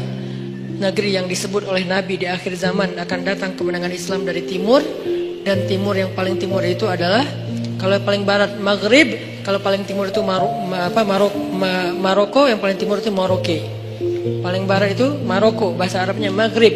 Paling timur itu Maroke, bahasa Arabnya Masyrik. Berarti kalau di sana Maghribnya udah beres dengan banyak cerita, yang belum giliran peradaban itu cuman Masyrik, Maroke dan itu adanya di Indonesia. Di Indonesia. Mudah-mudahan anak muda inilah yang nanti akan menemani Imam Mahdi membebaskan Palestina. Saya punya azam secara pribadi. Saya bisa aja datang ke Palestina sekarang untuk bikin traveling, umroh atau apalah. Atau datang sendiri juga insya Allah bisa ke Palestina. Saya kenapa nggak mau? Saya udah datang ke Masjid Haram berkali-kali, Masjid Nabawi pastinya. Kenapa Palestina nggak? Saya punya azam, saya kalau mau datang ke sana tuh jangan melancong. Walaupun boleh-boleh aja sih yang buat mau jalan ke sana nggak masalah. Tapi saya pribadi nih ya, saya pengen datang ke sana itu sebagai salah satu barisan pembebas. Kalau udah meninggal Ustaz, maka cita-cita ini saya wariskan kepada anak-anak laki saya. Kalau mereka enggaknya, wariskan kepada cucu-cucu laki saya. Pastinya harusnya ini adalah cita-cita cita-cita kita bersama.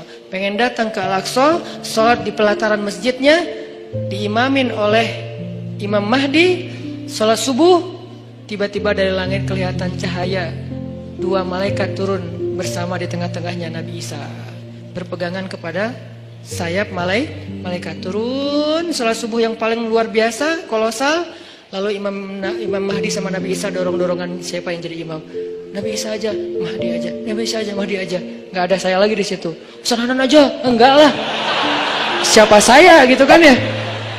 Enggak, udah tinggal dua orang imamnya. Jadi nggak ada yang boleh caper-caperan. Uh, siapa yang dorong saya ya?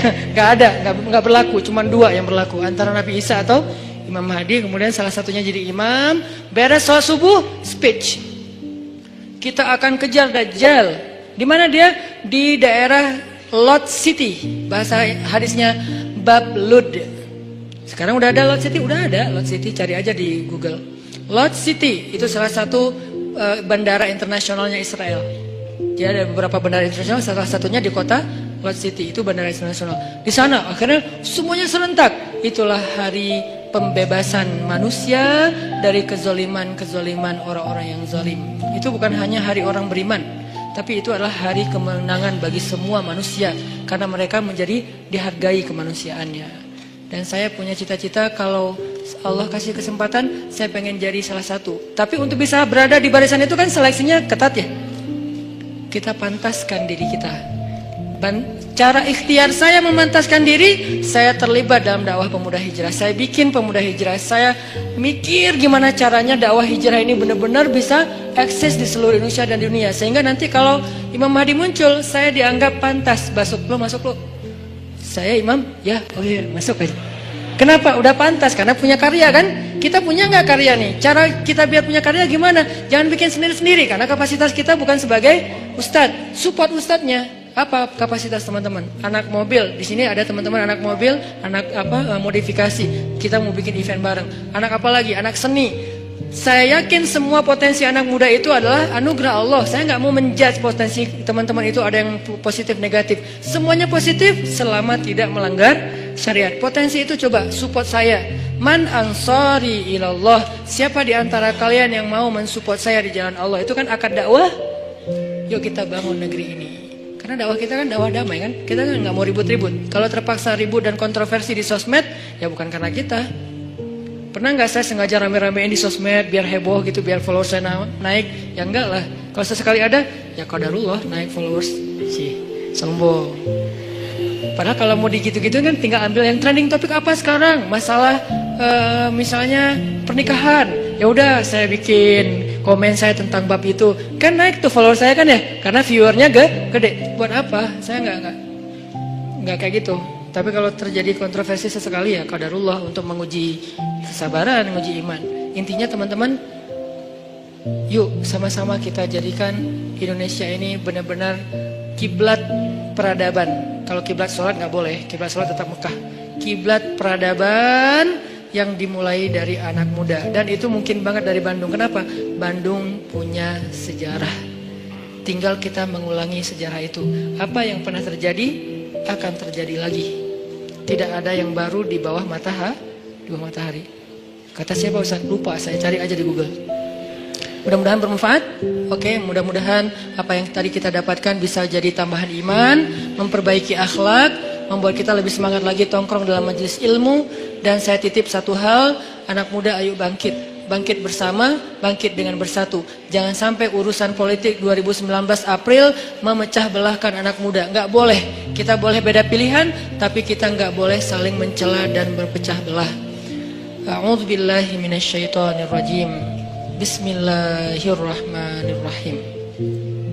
Bismillahirrahmanirrahim. Alhamdulillahi rabbil alamin. الحمد لله رب العالمين حمدا يوافي نعمه ويكافئ مزيدا يا ربنا لك الحمد كما ينبغي لجلال وجهك الكريم لجلال وجهك الكريم وعظيم سلطانك اللهم أنت السلام ومنك السلام وإليك يعود السلام فحينا بالسلام وأدخلنا الجنة دار السلام. تباركت ربنا وتعاليت. يا ذا الجلال والإكرام. اللهم صل وسلم وبارك على سيدنا محمد وعلى آله وصحبه أجمعين Duhai Allah yang maha pengasih lagi maha pemurah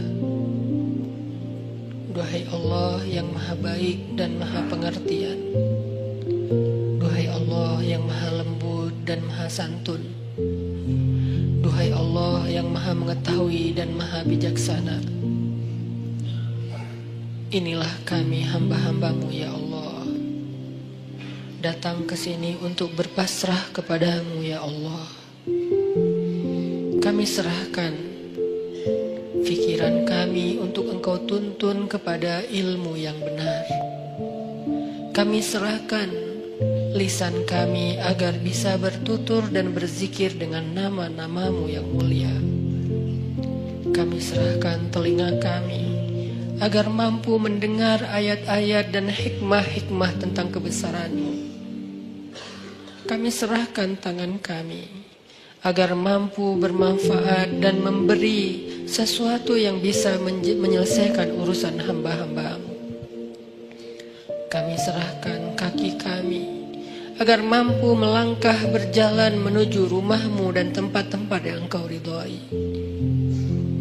Kami serahkan hati kami ya Allah Agar hanya yakin kepadamu agar engkau penuhi hati itu dengan cinta terhadap akhirat melebihi terhadap dunia. Agar engkau jadikan hati itu bergetar ketika namamu disebutkan. Agar hati itu merasa menyesal terhadap dosa-dosa di masa lalu. Agar hati itu dipenuhi dengan iman. Kami serahkan hidup kami agar engkau tuntun kepada takdir-takdir baik yang engkau putuskan untuk kami. Kami percaya ya Allah, engkau tidak pernah menginginkan keburukan untuk hambamu. Engkau tidak pernah sengaja memberikan musibah kepada hambamu. Engkau tidak pernah sengaja menyakiti hambamu. Engkau tidak pernah sengaja membalas hambamu dengan kemurkaanmu. Karena kami yakin rahmatmu mendahului marahmu kasih sayangmu mendahului amarahmu sifat kasihanmu mendahului murkamu engkau tidak mungkin marah kepada hambamu sebelum engkau sayang kepada dia Engkau tidak mungkin murka kepada hambamu sebelum engkau kasihan kepada dia. Engkau tidak mungkin mengambil nikmat dari hambamu sebelum engkau berlimpahi dia, ya Allah. Karena sesungguhnya rahmatmu lebih luas daripada kemarahanmu. Kami berserah kepadamu ya Allah. Kami serahkan diri kami, hidup kami, jiwa kami hanya kepadamu ya Allah. Tuntun kami ke arah yang engkau kehendaki. Kami pasrah, kami ikut ya Allah. Karena kami yakin Engkau tidak mengarahkan dan menuntun hambamu kecuali kepada kebaikan di dunia dan akhirat bagi kami. Pasrah ya Allah terhadap keputusan-keputusanmu tentang sekolah kami, tentang kuliah kami, tentang pekerjaan kami, tentang usaha kami, tentang pertemanan kami, tentang perasaan cinta kami, tentang hubungan kami dengan seseorang yang istimewa bagi kami, tentang keluarga kami, tentang segala sesuatu tentang kami, kami pasrah kepadamu. Tuntun ke mana pun engkau kehendaki ya Allah Karena kami yakin semuanya baik. Tidak ada yang datang darimu kecuali kebaikan ya Allah. Inilah kami hamba-hambamu. Datang belajar di sini untuk bisa benar-benar istislam dan tawakal kepadamu. Benar-benar menjadi hamba yang inna salati wa nusuki wa mahyaya wa mamati lillah Benar-benar ingin belajar iya karena abudu wa iya karena stain. Benar-benar ingin belajar menjadi hamba yang wa ma khalaqtul jinna wal insa illa liya'budun. Bimbing kami ya Allah agar kami bisa menjadi seperti itu.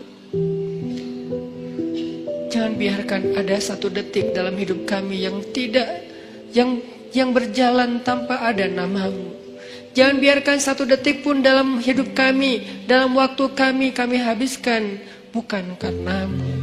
Jangan biarkan sejengkal tanah kami berjalan kecuali berjalan ke arahmu. Jangan biarkan satu pun ide yang kami pikirkan kecuali tentang kebesaranmu.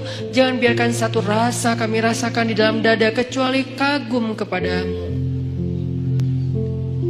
Tuntun kami ya Allah. Ajarkan kami ya Allah. Kami sudah pasrah. Kami lelah dengan hidup pilihan kami sendiri selama ini ya Allah. Selama ini kami memilih adegan hidup kami, arah hidup kami sendiri. Kami tidak mau tahu tentang arah arahan darimu. Kami tidak mau membaca ayatmu. Kami tidak mau mendengar nasihat dari orang-orang yang berdakwah di jalanmu. Kami tidak mau membaca hadis-hadis nabimu. Kami tidak mau tahu tentangmu ya Allah. Kami pilih hidup dengan pilihan kami sendiri. Seolah-olah kami lebih tahu daripada engkau. Seolah-olah kami lebih mengerti yang mana baik dan mana buruk untuk diri kami daripada engkau. Seolah-olah kami tahu segalanya ya Allah. Kami pilih pilihan hidup. Kami tentukan sendiri segalanya. Kami percaya tanpamu kami bisa. Sehingga kami jarang bahkan hampir tidak pernah berdoa. Tapi pada akhirnya kami sadar pilihan itu membawa kami kepada kecelakaan. Pilihan itulah yang menuntun kami kepada dosa-dosa Yang dengan dosa-dosa itu tertutup hati kami Yang dengan dosa-dosa itu membuat kami jauh darimu Yang dengan dosa-dosa itu kami kehilangan nikmat ibadah Dan tidak pernah merasa bahagia. Mungkin kami dapatkan harta Tapi kami tidak bahagia. Mungkin kami punya pasangan Tapi kami tidak akur. Mungkin kami punya keluarga Tapi semuanya sibuk sendiri-sendiri Dan kami tidak utuh karena kami menentukan hidup kami sendiri dan tidak meminta bimbinganmu ya Allah. Kami lelah dengan itu, kami pasrah. Kami ingin kembali kepadamu. Pilihan-pilihan kami sudah kami tinggalkan. Pilihan-pilihan kami sudah kami abaikan. Kami tidak ingin lagi terjebak seperti dulu ya Allah. Bertahun-tahun hidup kami sia-sia. Kami ingin Engkau yang memilihkan hidup untuk kami ya Allah. Kami ingin Engkau yang memilihkan apa yang terbaik bagi kami ya Allah.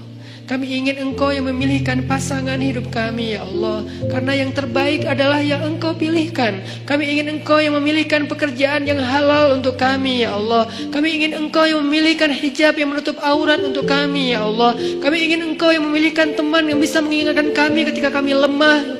Karena Engkau lah yang sebaik-baik pemilih teman bagi hambanya ya Allah. Kami ingin Engkau yang memilihkan hari-hari kami esok, lusa, dan seterusnya. Pilihkanlah untuk kami, kami ikut ya Allah. Jika engkau panggil kami, lapangkan dada kami untuk bisa menerima panggilan itu dengan lega. Hayya ala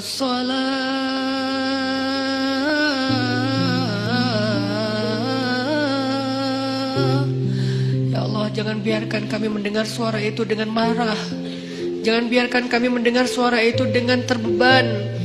Kami ingin merasakan nikmatnya mendengar suara azan. Kami ingin merasakan hati kami bergetar ketika mendengar namamu disebutkan. Kami ingin merasakan panggilan itu adalah panggilan terindah, senandung terindah yang pernah kami dengar. Jangan biarkan ada satupun senandung, irama, lagu apa pun yang lebih indah bagi kami daripada suara azan, ya Allah. Ya, kami berhibur dengan lagu-lagu kami berhibur dengan senandung-senandung manusia, tapi kami tidak mau senandung itu mengalahkan suara azan. Celaka kami jika kami mengganti suara azan dengan hiburan-hiburan makhluk, ya Allah. Itu hanyalah kesenangan sesaat. Tetapi hiburlah kami dengan suara azan dan bacaan Al-Quran. La uqsimu biyaumil qiyamah Hibur kami dengan ayat itu ya Allah. Ayyi ala'i rabbikuma tukadziban. Hibur kami dengan ayat itu ya Allah. Ya ayyuhalladzina amanu Beri kami kemampuan untuk merasakan panggilan itu ya Allah. Seolah-olah engkau memanggil kami secara pribadi. Jangan biarkan kami berpikir bahwa panggilan itu bukan untuk kami. Lalu siapa kami jika bukan orang beriman? Kenapa kami ketika dipanggil ya ayyuhalladzina amanu tidak merasa? Ketika dipanggil ya ayyuhal kafirun kami tersinggung. Apakah kami benar-benar kufur kepadamu Kenapa kami lebih terkesan dengan kalimat ya ayyuhal kafirun daripada ya ayyuhal ladzina amanu? Apakah selama ini kami kufur kepadamu ya Allah? Bimbing kami ya Allah. Kami berazam setiap pekan untuk selalu hadir dalam majelis ilmu ini ya Allah. Dan kami berazam Perlahan-perlahan kami ingin mendukung dakwah agamamu ya Allah. Kami ingin melihat negeri ini di mana agamamu tegak di dalamnya. Karena tegaknya agamamu adalah tegaknya kemanusiaan. Menangnya agamamu adalah menangnya kemanusiaan. Karena tidak ada kezoliman di dalam agama ini ya Allah. Kami ingin melihat suatu hari nanti. Salah satu di antara kami yang ada di sini. Mengumandangkan azan untuk rakyatnya Salah satu di antara kami yang ada di sini mengimami sholat untuk rakyatnya sebagai kepala negara, kepala daerah, atau pemerintah kota, atau pemimpin di dalam lingkungannya. Duhai Allah, wujudkan harapan-harapan kami. Karena engkaulah satu-satunya yang mewujudkan harapan. Menangkan kami atas orang-orang yang zalim. Karena kemenangan orang yang beriman adalah kemenangan rahmatan lil alamin. Rabbana atina fid dunya hasanah wa fil akhirati hasanah wa qina adzabannar. Subhanakallahumma wa bihamdika asyhadu an la ilaha illa anta astaghfiruka wa atubu ilaik. Terima kasih buat teman-teman semuanya. Barakallahu fikum. Wassalamualaikum warahmatullahi wabarakatuh.